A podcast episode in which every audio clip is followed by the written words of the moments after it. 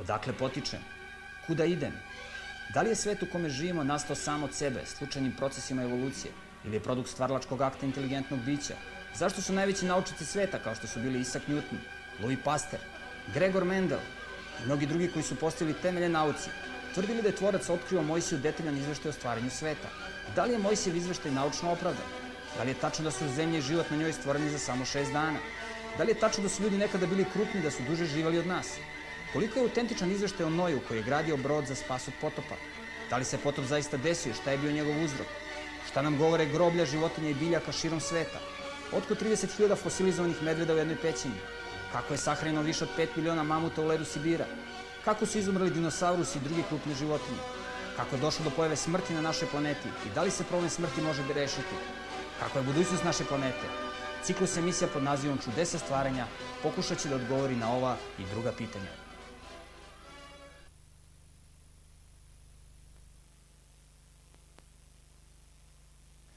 Poštovani gledalci, ja vas se pozdravljam u ovom našem serijalu u kojem ćemo danas tretirati jedno, po mojom mišljenju, od najvažnijih i najintrigantnijih pitanja. Pitanje je vezano za starost naše planete. Zašto je pitanje važno? Kad bismo jednog čoveka pitali na ulici koliko je stara zemlja, pitanje da li bi on znao da nam odgovori na ovo pitanje. Zašto? Zato što to pitanje nije bitno za njegov svakodnevni praktični život. Međutim, vidjet ćemo koliko je ovo pitanje važno. Kada ga propustimo kroz a, filter osnovnih čovekovih pitanja. Vidjet ćemo da odgovor na pitanje starosti zemlje pravi jedan rez i pravi a, jasnu razliku između pravilnog odgovora na pitanje porekla i svih ovih drugih odgovora koji kao da imaju jedan zajednički sadržalac, jedan zajednički menitelj vezano za pitanje starosti zemlje. Naime, postoji samo jedan koncept koji tvrdi da je planeta Zemlja mlada. Da je mlada nekih 6000 godina. Dakle, to je biblijski koncept, koncept stvaranja, koncept koji je zapisao Mojsije. Sa druge strane, postoje svi drugi koncepti.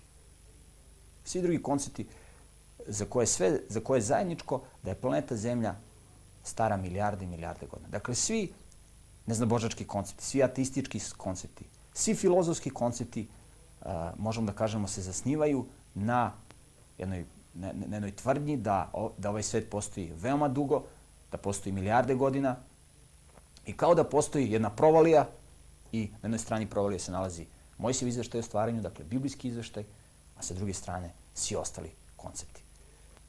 I možda na pitanju starosti zemlje najlakše možemo da razdvojimo pravi koncept od svih lažnih koncepata. I ako otvorimo literaturu, ako otvorimo novine i razne izveštaje naučnika širom sveta, vidjet ćemo kako se govori o milionima i milionima godina navodne starosti fosila koji su pronađeni u nekim sedimentnim stenama. Tvrdi se kako su te sedimentne stere se taložile pre nekoliko stotina miliona godina u nekim okeanima i tako dalje i tako dalje. Sa druge strane, na osnovu koncepta stvaranja, planeta Zemlja je dovedena u postojanje pre oko 6000 godina. Kako znamo da je dovedena u postojanje pre oko 6000 godina? Znamo na osnovu detaljne genealogije, dakle rodoslova koji su nam dati u Bibliji. Dakle, tvorac nam je kazao, ko je bio prvi čovek koji je stvoren, dakle Adam, koliko je, koliko je on dugo živeo, kad je dobio sina, a, koji je za nas bitan, dakle njegov sin Sit, pa onda kad je dobio unuka i tako imamo detaljnu a, genealogiju i hronologiju na osnovu koje možemo da vidimo kada je bio potop, dakle od stvaranja proteklo 1656 godina, nastupio onda potop, Potop je trajao oko godinu dana, imamo i taj izveštaj i onda imamo rodoslov dalje ljudi koji su preživjeli potop i njihovih potomaka. Dakle, imamo detaljnu genealogiju tako da možemo vrlo precizno da odredimo a, koliko planeta Zemlja može biti stara. Naravno, u ovoj genealogiji postoje, postoji nekoliko mesta gde nije tačno, gde nisu tačno precizirani neki datumi, tako da ne možemo tačno u godinu da tvrdimo kada je stvorena planeta Zemlja, ali možemo da tvrdimo sa nekim redom veličine greške možda 20 do 50 godina, maksimalno 100 godina bi možda mogli da pogrešimo a, koliko bi mogla da bude stara planeta Zemlja, ali to ovde ne igra važnu ulogu. Sa druge strane, koncept, dominantan koncept koji zastupaju sve ove neznabožačke religije i, i, i neznabožački koncepti a, zasniva se na konceptu evolucije a, koji tvrdi da je ovaj svet u kojem mi živimo star milijarde i milijarde godina. Zašto je to bitno? To je bitno zato što koncept evolucije pokušava da istisne tvorca, dakle, vrhovnog autoriteta i, i, i stvaraoca svemira i sve ono što je vezano za tvorca, naročito vezano za koncept morala i za moralni zakon. Zato što na osnovu koncepta stvaranja mi a, a, znamo a, i koncept stvaranja tvrdi da problem koji mi imamo danas na planeti Zemlji je moralni problem. Dakle, uzrok svih naših problema na planeti Zemlji je kršenje moralnog zakona. I vidjet ćemo zašto je koncept evolucije vrlo bitan za ateistički i neznabožački pogled na svet, zato što, evo ako čitamo izveštaje vodećih a, svetskih evolucionista, jedan od vodećih svetskih evolucionista, jedan paleontolog a, sa Harvarda, Stefan J. Gould, kaže a, u jednom izveštaju, kaže, evo mi smo, kaže, definitivno potvrdili da je koncept evolucije validan koncept, da je, da je to naučna činjenica, da je to fakat. I sada kada smo to definitivno utvrdili, kada, kada tvorac ne postoji, sada mi možemo da pravimo moralne zakone kakve mi hoćemo. Dakle, mi ćemo sada da pravimo i da radimo onako kako mi hoćemo. A ne da nama neko s polja određuje šta ćemo mi da radimo i šta je moralno, šta nije moralno. Nego ćemo mi da se, da sedamo i da se dogovorimo kako ćemo da živimo i koja ćemo moralna načela da usvojimo. Dakle, jedan vrlo opasan koncept. I sada, e, koncept evolucije tvrdi naime da je živo nastalo od neživog. Oni ne kažu da a, živo može da nastane od neživog tek tako. Oni kažu da je to vrlo neverovatan proces, ali ne kažu da je to nemoguć proces. Nego, život može da nastane od neživog veoma teško, verovatnoća je veoma mala, veoma, veoma mala i onda kada čitamo izveštaje kaže verovatnoća 10 na minus 100 na 10 na minus 50. Dakle, neka mala verovatnoća, ali kada se to ekstrapolira na duge vremenske periode, onda možda može da se desi. Teško je da jedna riba prohoda, da nastane vodozemac i da od jednog bubojeda, na primjer, nastaje, nastane čovek, ali to je nemoguće u kratkom vremenskom periodu. A za milioni i milijarde godina možda je moguće, zašto da ne, kažu oni. Iako bismo otišli na neki poznatih evolucionističkih koleđa u svetu i kad bismo rekli da, na primjer, čovjek možda nastane od gliste za tri dana, ljudi bi nam se smeli na univerzitetu. Međutim, ukoliko bismo rekli da čovjek može nastane od gliste za 3 milijarde godina, to bi se već prihvatilo kao a, mogućnost, kao naučna činjenica, kao nešto što je izvesno. I zato kada mi pokažemo da je planeta Zemlja mlada, onda a, zaista je iluzorno uopšte pričati o bilo kakvoj evoluciji i o bilo kakvom a, konceptu naturalizma koji danas zastupaju a, protivnici a, koncepta stvaranja. Dakle, na, na pitanju starosti zemlje mi dakle najlakše možemo da razdvojimo ispravan koncept od lažnog koncepta. Postoje razni, razni drugi pokazatelji, razne druge metode kako možemo da pokažemo da je koncept stvaranja validan koncept, ali na pitanju starosti zemlje mi to možemo najlakše i najelegantnije da pokažemo. I kao da je tvorac nama dao a, desetine i desetine, kao da nam je dao najviše dokaza vezano za pitanje starosti zemlje. I postoji zaista a, a, više nego, nego, nego mnogo dokaza da je planeta Zemlja mlada. I mi Postoji desetine, desetine, stotine dokaza da je planeta Zemlja. I mi ćemo u ovoj današnjoj emisiji tretirati neke od njih. Neke od njih. Tretirat ćemo ih više i zaista nije potrebno da budemo neki profesionalni geolozi, da budemo paleontolozi i, i, i fizičari i geomorfolozi da bismo mogli da analizirajući određene fenomene u prirodi vidimo da je planeta Zemlja veoma mlada planeta. I u ovom našem istraživanju vezano za pitanje starosti zemlje, krenut ćemo od jednog fenomena koji postoji u prirodi, a fenomen je vezan za eroziju kontinenta. O čemu se radi? Poznato je da sve, sva brda i planine na planeti Zemlji se troše. Dakle, postoji proces erozije koji eroduje ova brda i planine i planine i brda su sve, uh, sve više, da kažemo, potrošene, sve, sve manje i manje. Dakle, uh, postoje agensi, voda ulazi u pore stena, ona se, uh, voda se grejanjem i hlađenjem skuplja i širi, stene pucaju i postoji drugi atmosferski, atmosferski uslovi e, i atmosferski agensi koji deluju da imamo taj fenomen vezan za eroziju kontinenta. I mi možemo da merimo kolike su erozije kontinenta. Dakle, kolikom brzinom se troše ova brda i planine. I evo, na primjer, istraživanja koja su rađene u Americi pokazuju da je a, stopa erozije, to je podatak gore, stopa erozije u, prosječna stopa erozije u Americi je 6,1 cm na 1000 godina. Dakle, jedna jedno brdo ili planina u Americi se u proseku za 6,1 cm smanji na 1000 godina. A, pošto je prosečna visina kontinenta na planeti Zemlji 623 metra.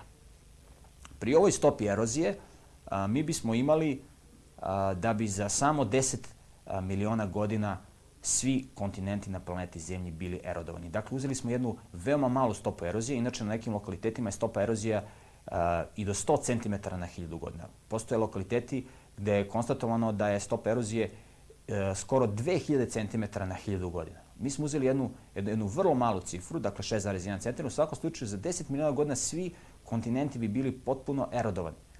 Uh, međutim, mi vidimo da kontinenti tekako postoje, što znači da a, proces erozije deluje jedan veoma kratak vremenski period. Dakle, to što mi danas imamo a, brda i planine, e, to je zato što pro, proces erozije deluje jedan veoma kratak vremenski period, samo nekoliko hiljada godina.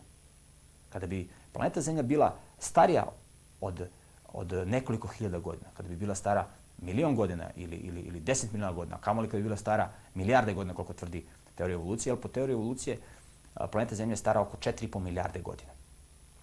Dakle, za ovako jedan veliki vremenski period mi ne bismo imali ni jedan, ni jedno brdo, a, ni jednu planinu. Inače, možda je interesantno da kažem, pre nego što nastavim sa izlaganjem, da a, je u zadnjih 150 godina a, staro zemlje od strane evolucionista udvostručavana na svakih 15 godina. Dakle, na svakih 15 godina a, staro zemlje je bilo udvostručena, tako da se evo sada stiglo do 4,5 milijarde godina. I mi ćemo vidjeti kako se te milijarde godine, navodne milijarde godine uklapaju u uh, fenomene koji postoje u prirodi. Drugi fenomen koji takođe možemo da observiramo jeste fenomen vezan za izdizanje planina. I postoje metode kako mi možemo da merimo izdizanje planina. To nisu komplikovane metode. U svakom slučaju možemo da konstatujemo, na primjer, da se neki lokaliteti na planeti Zemlji izdižu, to su takozvani orogeni pokreti, neki lokaliteti na planeti Zemlji se skup, uh, spuštaju. I sada konstatovano je da se Alpi izdižu sa stopom od negde 100 do 150 cm na 1000 godina. Stenovite planine ili Rocky Mountains se izdižu negde stopom od 100 do 1000 cm na 1000 godina.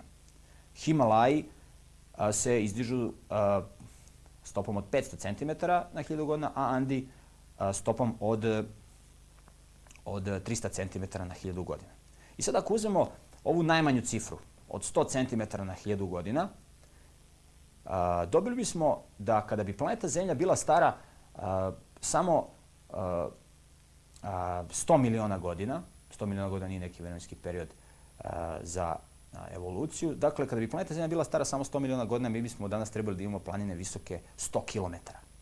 Podsjećam da je najviše vrh na planeti Zemlji visok oko 9 km. A u svakom slučaju, dakle, za samo 100 miliona godina bi imali 100 km visoke planine. Mi danas nemamo planine visoke 100 km. A, mi imamo planine sa ovim visinama koje su nam poznate. Kao što, kao što sam rekao, najviša, najviši planinski vrh je, a, a, ima visinu negde nešto manje od 9 km.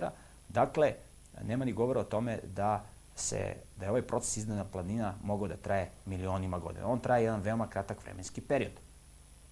Sa druge strane, zastupnici te evolucije kažu da upravo a, ovo izdizanje planina predstavlja argument a, da je planeta Zemlja mlada zato što a, tamo smo imali eroziju kontinenta, a ovde imamo izdizanje. Tako da a, ovo izdizanje planina jednostavno kompenzuje onu, onu eroziju, eroziju brda i planina. Međutim, taj argument nije validan iz prostog razloga što a, mi danas a, onda ne bismo imali nijedan a, fosil na planeti Zemlji. A, evo ovde još jednom fotografije koje smo prikazivali u prethodnim emisijama, kako se da presek zemljine kore. Dakle, postoje sedimentne stene koje sačinjavaju današnje velike površine današnjih e, kontinenta. U svakom slučaju, tim sedimentnim stenama, dakle ovim koji leže na granitu, tu se nalaze fosili. I sada, ukoliko se zaista milionima godina brda i planine izdižu, a deluje proces erozije, svi ovi, sve ove sedimentne stene bi bile erodovane e, nekoliko stotina puta, negde između 170 do 340 puta bi sve sedimentne stene bile erodovane i mi ne bismo imali ni jedan fosil. A zastupci te revolucije kažu da postoje, na primjer, neki, neke, neki planinski venci, kao što su kordiljeri ili apalači, koji su navodno stari milijarde godina. Dakle, ukoliko proces izizanja planina i proces erozije idu a, paralelno, kao što idu milionima godina, mi danas ne bismo pronašli a, nijedan fosil na planeti Zemlji. Svi fosili bi bili jednostavno erodovani, a, erodovani erozijom ovih sedimentnih stena. Dakle, a, nema ni govora o tome da se, a, da se planine izdižu milionima godina i da proces erozije traje milionima godina. Takođe, a, ove sedimentne stene koje imamo danas na planeti Zemlji, a, one se talože, one se talože i danas i a, stopa denudacije, odnosno spiranja, dakle, proizvodnje ovih sedimenata, je otprilike a, negde između 3 do 200 cm na 1000 godina. Naprimer, jedan autor koji se zove Gregor je iznos da stopa a, proizvodnje sedimenata koja danas postoji, koja danas može se observira, iznosi 3 cm na 1000 a, godina. To znači da bi, a, ukoliko je zemlja stara milijarde godina, kako tvrdi teorija evolucije, svi sadašnji sedimenti bi se nataložili do sada više od 25 puta. Dakle, ova količina sedimenata i fenomen vezan za denudaciju, odnosno spiranje, odnosno za proizvodnju sedimenata, pokazuje da je planeta Zemlja veoma mlada. Takođe je ovaj argument vezan za proizvodnju e, sedimenata i za ovu stopu koju je dao Gregor nije adekvatan zato što stopa proizvodnje sedimenata danas nije 3 cm na 1000 godina, to je jedna, jedna vrlo konzervativna brojka. Stope se kreću i do 200 cm na 1000 godina na, na nekim lokalitetima, kao što su lagune, a sedimenti koje mi danas imamo su uglavnom sedimenti koji se talož, e, takozvani morski sedimenti. E, oni se sačinjavaju veliki procenat, veliku većinu sedimentnih stena koje mi danas imamo na planeti Zemlji. Dakle, sama proizvodnja sedimenata koja danas postoji je argument da je planeta Zemlja mlada. Dakle, kada bi se sadašnji sedimenti koji imamo taložili procesima koje danas imamo, to bi bio argument da je planeta Zemlja mlada. Međutim, mi znamo da je planetu Zemlju pre izvesnog vremena pogodila globalna katastrofa kada je stopa taloženja sedimenata bila mnogo brža, što rapidno smanjuje a, starost a, geoloških procesa i starost geoloških fenomena a, koje danas možemo da posmatramo u, u prirodi. Dakle, sedimentne stene koje mi danas imamo, videli smo na osnovu geoloških struktura i na osnovu fosila su se nataložile za veoma kratko vreme, što je još jedan argument u prilog toga da je planeta Zemlja mlada, da je veoma mlada. Takođe, jedan fenomen koji je tako, koji je merljiv, jeste fenomen vezan za stopu odnošenja sedimenata u okeane. Naime, reke svakog, svake sekunde, svakoga sata, svake godine unose velike količine sedimentnog materijala u okeane. I ta stopa odnošenja sedimenata u okeane iznosi između 8 do 58 a, miliona tona godišnje, zavisi koji autor je merio. Dakle, mi imamo a, stopu kojom se sedimenti unose u okean. I možemo da vidimo da danas na, okeansko, na okeanskom dnu postoje veoma tanki slojevi sedimentnog materijala koji je unešen u okeane. Takođe, mi znamo kolika je zapremina a, a, mora i okeana. Ona iznosi 1550 miliona kilometara kubnih. I dakle, mi imamo a, kolika je godišnja stopa unošenja sedimenta u okean. Znamo kolika je zapremina okeanskih basena. I mi možemo da pravimo kalkulacije. Ukoliko je Zemlja stara, koliko tvrde evolucionisti, mi bismo do sada trebali da imamo više od 20 puta da svi okeanski baseni budu napunjeni do vrha sedimentom. Dakle, više od 20 puta. Da svi sa sadašnjim stopama koje možemo da merimo. Mi vidimo da nema ni govora o tome da su okeanski baseni ispunjeni sedimentima do vrha, na okeanskom dnu postoje tanki slojevi sedimentnog materijala, što znači da se sediment taloži jedan veoma kratak vremenski period, samo nekoliko hiljada godina, što ide u prilog koncepta da je planeta Zemlja mlada i da procesi koji danas postoje na planeti Zemlji se odvijaju jedan veoma kratak vremenski period. Dakle, još jedan argument u prilog toga da je planeta Zemlja mlada. Takođe, jedan argument vezan za okeane jeste a, argument vezan za unošenje natrijuma u okeane, odnosno vezano za salinitet. Naime, praćeni su procesi unošenja natrijuma, jer so je natrijum hlorid, procesi unošenja natrijuma u okeane i procesi uklanjanja natrijuma iz okeana. Dakle, postoje različiti procesi i agensi koji unose, odnosno uklanjaju so iz okeana. I mi možemo da konstatujemo, mereći ove procese, da su okeani svake godine sve slaniji i slaniji. Dakle, količina natrijuma koja se unosi u okean je veća od, od količine natrijuma koji se iznosi, koji se uklanja iz okeana. Dakle, okeani su sve slaniji i slaniji. I sad ono što je vrlo važno jeste da a, ovaj proces, da kažemo, zaslanjivanja okeana ne, bi, ne može da se odvija a, dugi vremenski period. Zato što u okeanima žive organizmi koji imaju svoju ekološku valencu vezano za, za salinitet i postoje limiti u okviru kojih oni mogu da egzistiraju vezano za a, količinu soli. Dakle, ukoliko bi a, koncentracija soli u okeanima danas a, bila a, promenjena, promenjena, na primjer, za red veličine, na primjer, za 10% ili za 5%, veliki procenat živog, živog sveta u, u morima i okeanima ne bi mogao da egzistuje. Mi tako imamo, na primjer, mrtvo more na lokalitetu Izraela gde nema života zbog visoke koncentracije soli. I sad ono što je, ono što je važno, kada bi okeani bili stari milione godina, mi bismo morali da imamo takvu koncentraciju soli u okeanima da u okeanima uopšte života ne bi smelo da bude. Na primjer, ukoliko pođemo od pretpostavke da su okeani u početku bili potpuno bez soli, za samo 32 za samo 32 miliona godina a, mi bi došli do ove koncentracije soli koje danas imamo u okeanima. Ona je otprilike negde oko 3,5% soli je koncentracija u današnjim morima u prosjeku. Neka mora imaju manju koncentraciju, neka imaju više, ali otprilike oko 3% soli imamo danas u okeanima. Dakle, za samo nekih 32 miliona godina bi se došlo do ovog saliniteta. 32 miliona godina je veoma kratak vremenski period sa aspekta evolucije. U svakom slučaju, sam, sama ta cifra govori o tome da ovi okeani koje danas imamo, postoje jedan veoma kratak vremenski period, samo nekoliko hiljada godina. Da nije tako, mi a, ne bismo danas u okeanima imali a, žive sisteme, ne bismo imali biljke i životinje. Oni bi jednostavno zbog visokog saliniteta a, izumrli, uginuli bi svi i raz bi svi vodeni baseni bili, dakle, a, koji imaju, koje se unosi natrijum, bili bi slični vodenom basenu, onome u Izraelu, dakle, basenu mrtvog mora. Mi vidimo da danas u okeanima i morima tekako žive ribe i druge biljke i životinje. Dakle, drugi živi sistemi, dakle, sama činjenica postojanja života u vodi je dokaz da ovi živi da se so u okeane unosi jedan veoma kratak vremenski period i da se zaslanjivanje mora i okeana odvija jedan veoma kratak vremenski period, što je još jedan od argumenta da je planeta Zemlja veoma mlada.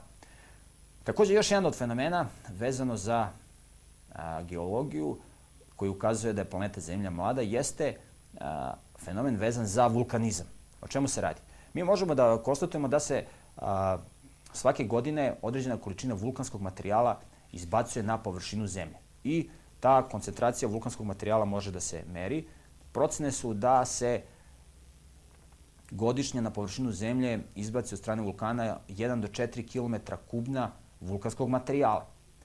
I sada, pošto mi e, znamo koliko imamo, a, koliko je ukupna a, zapremina vulkanskog materijala a, na planeti Zemlji, mi možemo da pravimo kalkulacije koliko dugo se vulkanski materijal izbacuje na površinu planete Zemlje pri ovim sadašnjim stopama.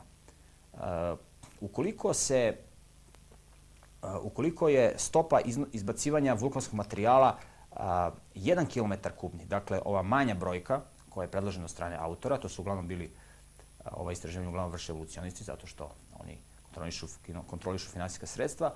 Dakle, ako prihvatimo ovu cifru od jednog a, kilometra kubnog godišnje, mi bismo danas na planeti Zemlji trebali da imamo, ako je Zemlja stara milijarde godina, kako tvrdi teorija evolucije, trebali smo da imamo 7 km debeo sloj vulkanskog materijala. 7 km. Dakle, ogroman, ogromnu debljinu vulkanskog materijala. Mi to danas a, nigde a, ne pronalazimo. Zašto? Zato što je planeta Zemlja mlada i zato što se proces izbacivanja vulkanskog materijala odvija jedan veoma kratak vremenski period, možda samo nekoliko hiljada godina. A ako bismo prihvatili ovu veću cifru od 4 a, kilometra kubnog godišnje da se izbacuje na, a, na površinu planete Zemlje, dobili bismo da bi za uh, pretposlednu starost planete Zemlje skoro cela planeta Zemlja celokupna zapremina planete Zemlje bila pretvorena u vulkanski materijal.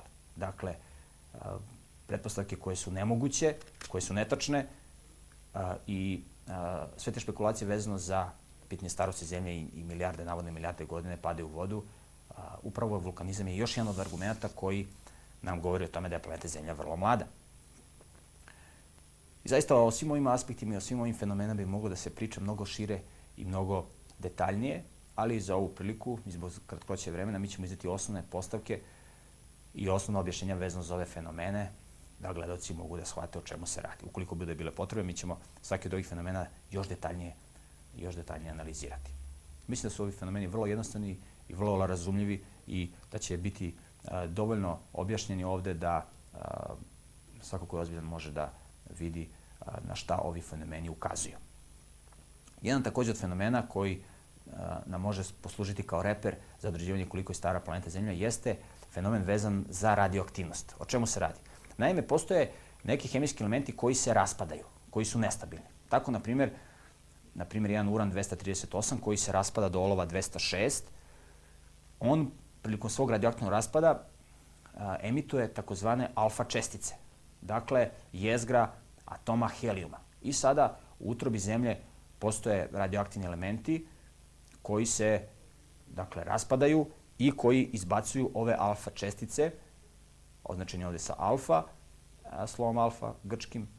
Dakle, mi imamo da se alfa čestice, odnosno jezgra helijuma, emituju iz e, ovih radioaktivnih e, centara. I sada šta se dešava? Dešava se da se uh, ovaj helijum jednostavno oslobađa iz zemljine kore, u zemljinoj kori se nalaze radioaktivni elementi, oni se oslobađaju i oni ulaze u atmosferu. I dakle, mi možemo danas da merimo brzinu kojom i stopu kojom a, helijum se emituje, odnosno ulazi u atmosferu zbog radioaktivnog raspada ovih radioaktivnih elemenata. Pošto se a, radioaktivni elementi a, koriste, da kažemo i u humanitarne svrhe, a, u nuklearnim centralama, koriste se i u svrhe koje nisu a, humane, kao što je nuklearno oružje. U svakom slučaju, pošto se radioaktivni elementi koriste u naučne svrhe, znaju se precizna, a, precizno se znaju kolike su rezerve, dakle količine urana i konkretno torijuma koji se koriste u ove, po znacima navoda, mirnodopske svrhe, kolike su koncentracije, dakle kolike količine mi radioaktivnih elemenata imamo u utrobi zemlje. I sada, a, mi znamo da a, u zemljenoj kori imamo to je podatak dole, imamo uh, 2 puta 10 na 14 tona urana i znamo da je masa torijuma, dakle 5 puta 10 na 14. Dakle, mi znamo kolika je, kolika, kolika je koncentracija urana i torijuma u zemljenoj kori. Dakle, to je ovaj, ova, ova druga koncentrična sfera, dakle zemljina kora. E sada, mi znamo koliki je upliv helijuma u atmosferu. Dakle, usled radioaktivnog raspada urana i torijuma, helijum se oslobađa i ulazi u atmosferu. I to znamo veoma precizno i znamo da a, po jednom centimetru kvadratnom u svakoj sekundi u atmosferu se emituje a, 2 miliona atoma helijuma. Dakle, po jednom centimetru kvadratnom zemljine površine svake sekunde a, se emituje, dakle izbija, možemo da kažemo, 2 miliona atoma helijuma. Tako da godišnja masa, to je ovaj podatak gore levo, godišnja masa helijuma koja ulazi u atmosferu je 0,3 miliona tona ili 300.000 300.000 kg helijuma koji se emituje u atmosferu. Takođe, mi znamo kolika je ukupna količina helijuma u atmosferi. Ona iznosi 3,5 milijarde tona. Dakle, mi znamo kolika je ukupna a, količina helijuma u atmosferi, a znamo kolika je godišnja produkcija helijuma u atmosferi. I vrlo jednostavno možemo da odredimo koliko je atmosfera stara na osnovu količine a, helijuma u atmosferi.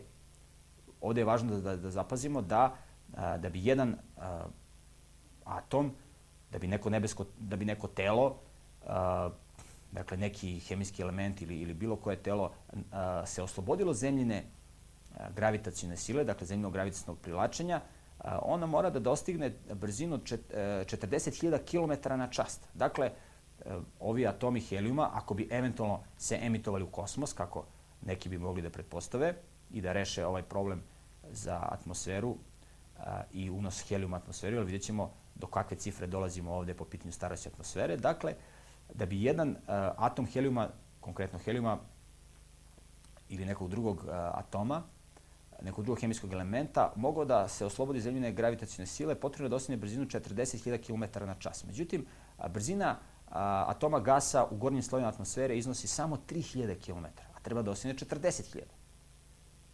Dakle, helijum jednostavno ne može da se emituje u kosmos. To je vrlo važno. Dakle, helijum ne može da se emituje u kosmos. I dovoljno da podelimo ove dve cifre, ukupnu količinu helijuma u atmosferi i količinu helijuma koja se e, unosi u atmosferu i dolazimo do cifre od 11.600 godina. Dakle, 11.600 godina može biti stara atmosfera pod pretpostavkom da u početku nije bilo helijuma. Mi možemo opravdano da, da pretpostavimo da je u početku bilo helijuma, jer kada je tvorac stvarao atmosferu, on je stvorio atmosferu sa helijumom, zato što je helijum bitan hemijski sastojak atmosfere za, za žive sisteme. Dakle, jednostavnom računicom mi možemo da vidimo da je atmosfera veoma, veoma mlada, što implicira na to da je planeta Zemlja veoma mlada. Takođe, jedan od argumenta koji govori o, o mladoj zemlji jeste argument vezan za populaciju koja postoji na planeti Zemlji. Naime, ovaj argument je vezan za takozvani rast populacije. I ono što je zabrinulo naučnike u ovome veku jeste rapidan porast broja stanovnika na planeti Zemlji. To je ono što se zove eksplozija stanovništva. Današnji broj stanovnika na planeti Zemlji se povećava sa stopom od 2 procenata. Tako da mi možemo da očekujemo da će broj stanovnika na planeti Zemlji 2011. godine biti oko 8 milijardi. I to je zabrinulo a, sve ljude koji koji sede u Ujedinim nacijama i koji, su, koji se brinu za stanovništvo, ljudi na planeti Zemlji i sve ozbiljne naučnike zabrinulo a, zbog toga što a, mi imamo danas na planeti Zemlji problem gladi. Naime, proizvodnja hrane na planeti Zemlji raste takozvanom aritmetičkom progresijom. Aritmetička progresija može da se prikaže nizom od 1, 2, 3, 4, 5 i tako dalje. Dakle, to je aritmetička progresija. Sa druge strane, broj stanovnika na planeti Zemlji raste geometrijskom progresijom.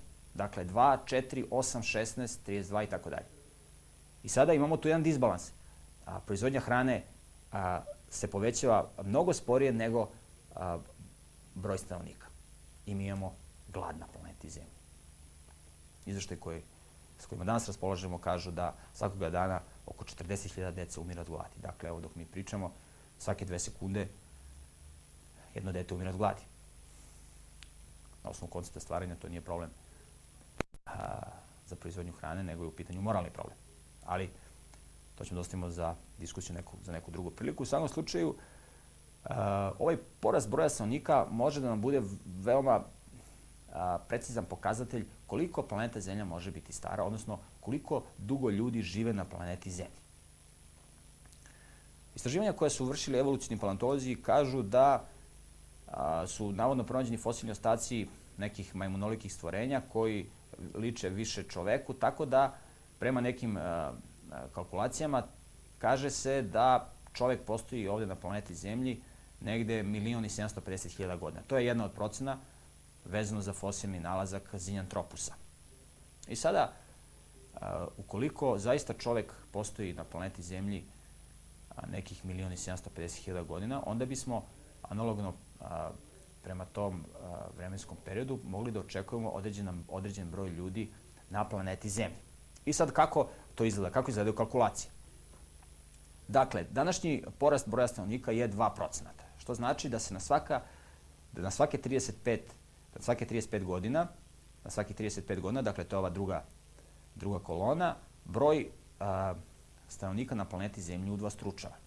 E sad ako uzmemo da je porast stanovnika na planeti Zemlji a, sa stopom od 0,3%, što je stopa porasta broja stanovnika na planeti Zemlji koji je bio u srednjem veku, onda bismo imali da je vreme do strčenja svakih 230 godina. Dakle, imamo jednog čoveka, pa onda na 230 godina imamo uh, drugi Dakle, imamo jedan ljudski par u početku, pa onda za 230 godina imamo četiri čoveka, pa za opet 230 godina osam ljudi i tako dalje i tako dalje.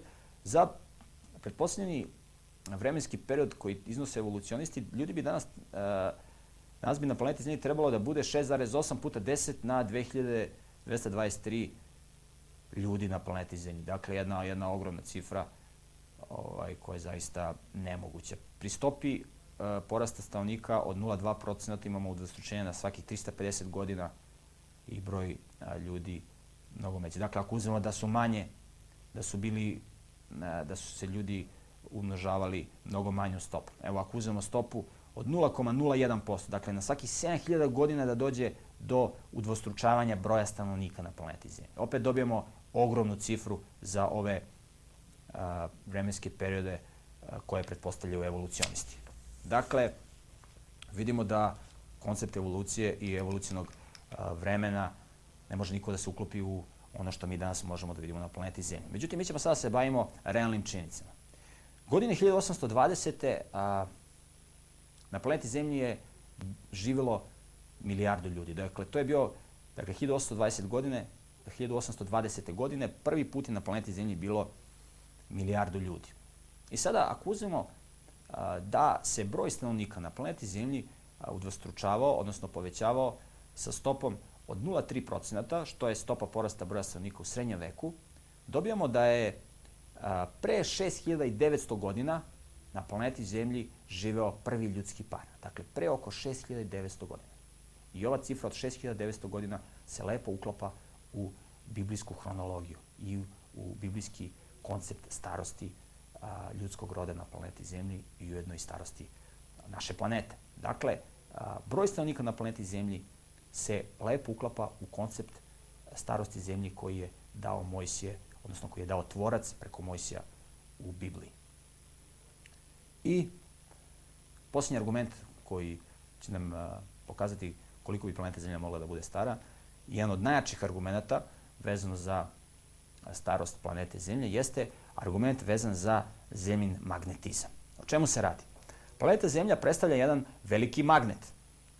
Dakle, planeta Zemlja je jedan veliki magnet koji ima svoj severni i južni pol i ovaj magnet je veoma bitan zato što štiti Zemlju od kosmičkog zračenja. Da planeta Zemlja nema magnetsko polje, život na planeti Zemlji jednostavno bi bio zbrisan, kosmički zraci bi destruktivno delovali na žive sisteme, došlo bi do zaista smrtonosnih mutacija i života na planeti Zemlji ne bi bilo.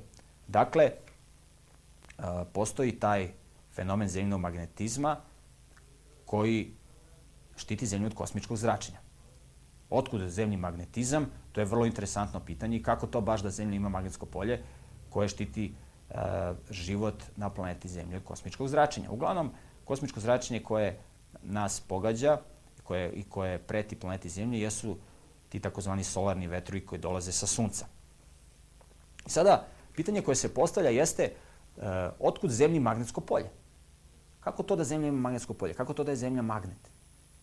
I odakle uh, Zemlji izvor tog magnetizma? Postavlja se dakle pitanje otkud Zemlji magnetsko polje? Uh, mi znamo da danas u prirodi postoje postoji samo jedna vrsta magneta u prirodi koju mi možemo da posmatramo. To je takozvani prirodni magnet. Šta je prirodni magnet?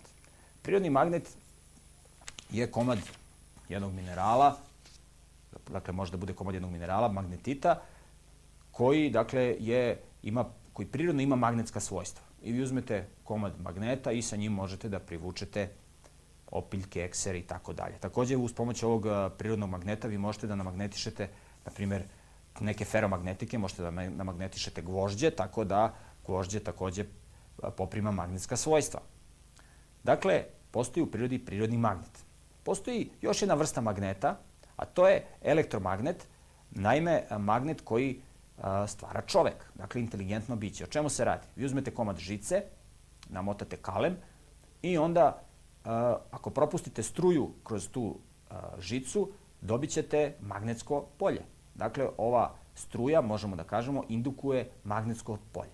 Dakle, električno polje indukuje magnetsko polje. Isto tako, ukoliko bismo namotali jedan kalem, a ne bismo ga priključili na struju, a onda uzeli jedan magnet i provlačili kroz ovaj kalem, ovaj magnet bi indukovao struju. Dakle, možemo da kažemo da magnetsko polje stvara električno polje, odnosno električno polje stvara magnetsko polje. Kao da magnet stvara struju, a struja stvara magnet. Dakle, magneti, a, magneti struja, možemo da kažemo laički, su veoma bliski. Dakle, jedno drugo uzrokuje. I sada pitanje koje se postavlja.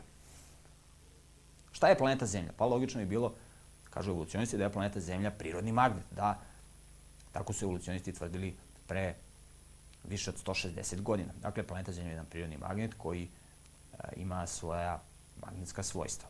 E sada, pre više od 160 godina vršeni su eksperimenti na prirodnim magnetima. I došlo je do određenih zaključaka, kasnije su ti zaključci bili detaljnije formulisani. U svakom slučaju, o čemu se radi? Ako mi uzmemo prirodni magnet i privučemo ga, dakle, ekserima, to je, ova, to je ovaj magnet sa leve strane, vidjet ćemo da će ovaj magnet da privuče eksere ili neke opiljke. Međutim, ako sad taj prirodni magnet počinjemo da zagrevamo i zagrevamo ga na temperaturu preko Kirijeve temperature, vidjet ćemo da će ovaj prirodni magnet da izgubi magnetska svojstva. Dakle, on više nije magnet. On više ne prilači.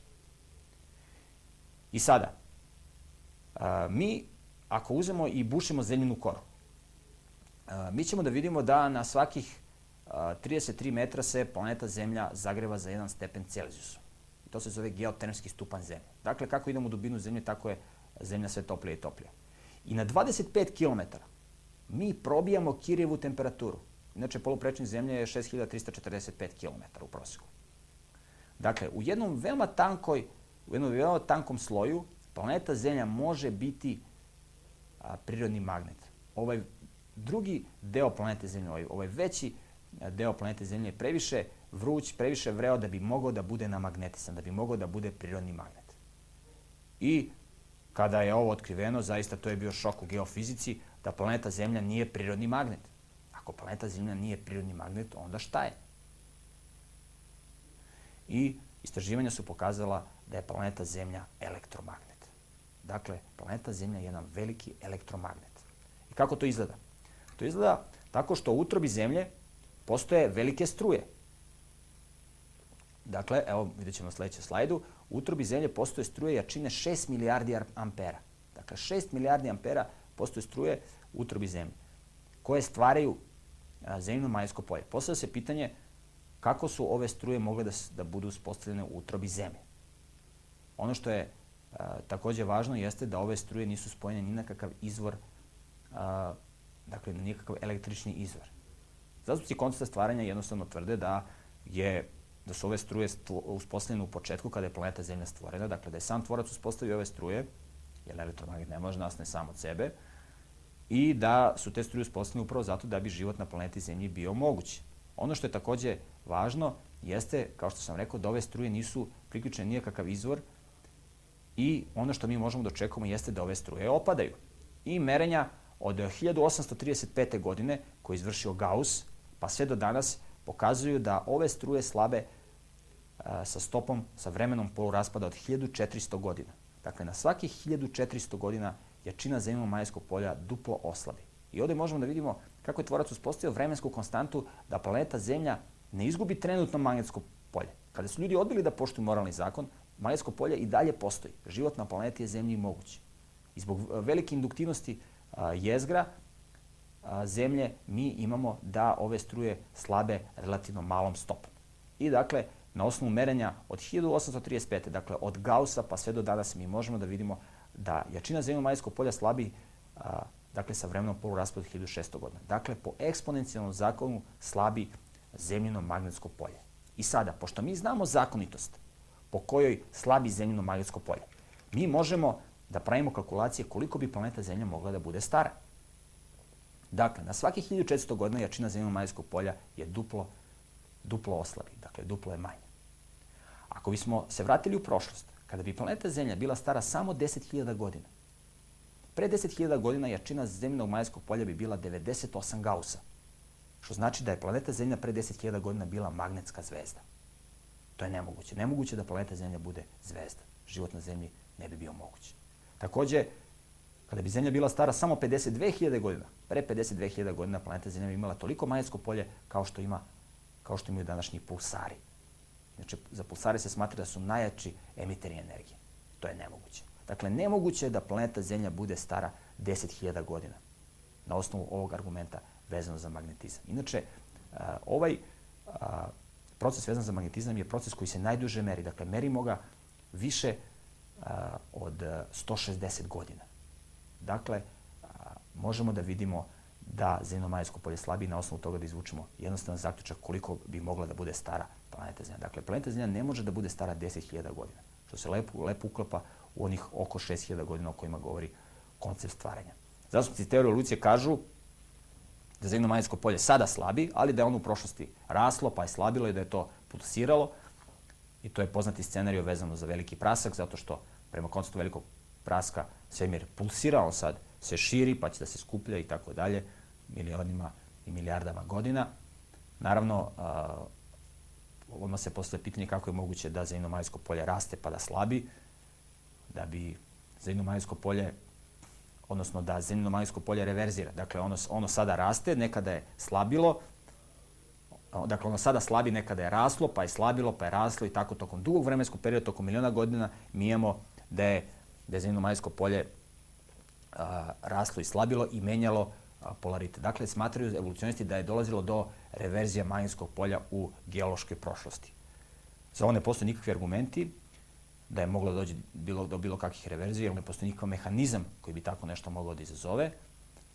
Uh, iznosi se jedan argument od strane evolucionista, možda je dobro da ga spomenjem, da mi u sedimentnim stenama pronalazimo komade minerala koji su namagnetisani u različitim smerovima. Dakle, evo, trebali smo da očekujemo da svi da minerali budu, da njihovi a, polovi magnetski budu usmereni u, u smeru sadašnjeg, sadašnjih polova koje imamo na planeti Zemlje severnog i južnog. Međutim, mi ih pronalazimo u svim smerovima. I onda oni kažu da eto, to je argument da, su da je nekad dolazilo do, do reverzije majskog polja i da je to takozvani remanentni zaostali magnetizam. Međutim, ovaj argument nije korektno i ovaj fenomen u prirodi nije korektno interpretiran iz prostog razloga što do pomeranja smera na magnetisanosti ovih minerala može da dođe nekim drugim fiziko-hemijskim procesom. Mi znamo da je, i videli smo na osnovu fosila i geoloških struktura, da je planeta Zemlju pogodila katastrofa globalnih razmera, tako da su se ovi sedimentne stene jednostavno ispremetale, ispremešale i mi danas možemo da vidimo da su minerali a, a, stena usmereni u različitim smerovima, u različitim pravcima, u svim pravcima. Dakle, ne postoje neki dominantni smerovi, što ukazuje na to da je planetu Zemlju zadesila katastrofa globalnih razlivara upravo onako kako tvrdi koncept stvaranja. Dakle, kao što smo mogli da vidimo, postoji desetine i desetine a, argumenta koji govore u prilog toga da je planeta Zemlja veoma mlada. Mi smo ovdje iznali samo neke, možda neki desetak, ali postoji, a, vidimo na osnovu jednog argumenta da, da on a, za sobom povlači neke druge argumente koji takođe ukazuju na to da je planeta Zemlja mlada. Mi smo, dakle, kažem, ovdje iznali samo jedan mali broj argumenta koji govore u prilog toga da je planeta Zemlja mlada. Postoji ih zaista previše.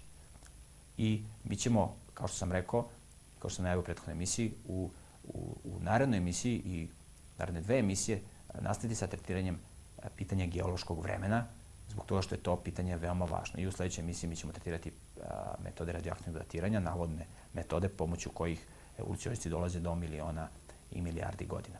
U svakom slučaju vidimo da geološki fenomeni i ono što možemo u prirodi da posmatramo, dakle nije potrebno da budemo geomorfolozi i, i, i, i veliki stručnjaci iz geologije, da možemo da vidimo da fenomeni koji postoje u prirodi ukazuju na to da je planeta Zemlja veoma, veoma mlada. Upravo onako kako tvrdi Mojsijev izveštaj o stvaranju.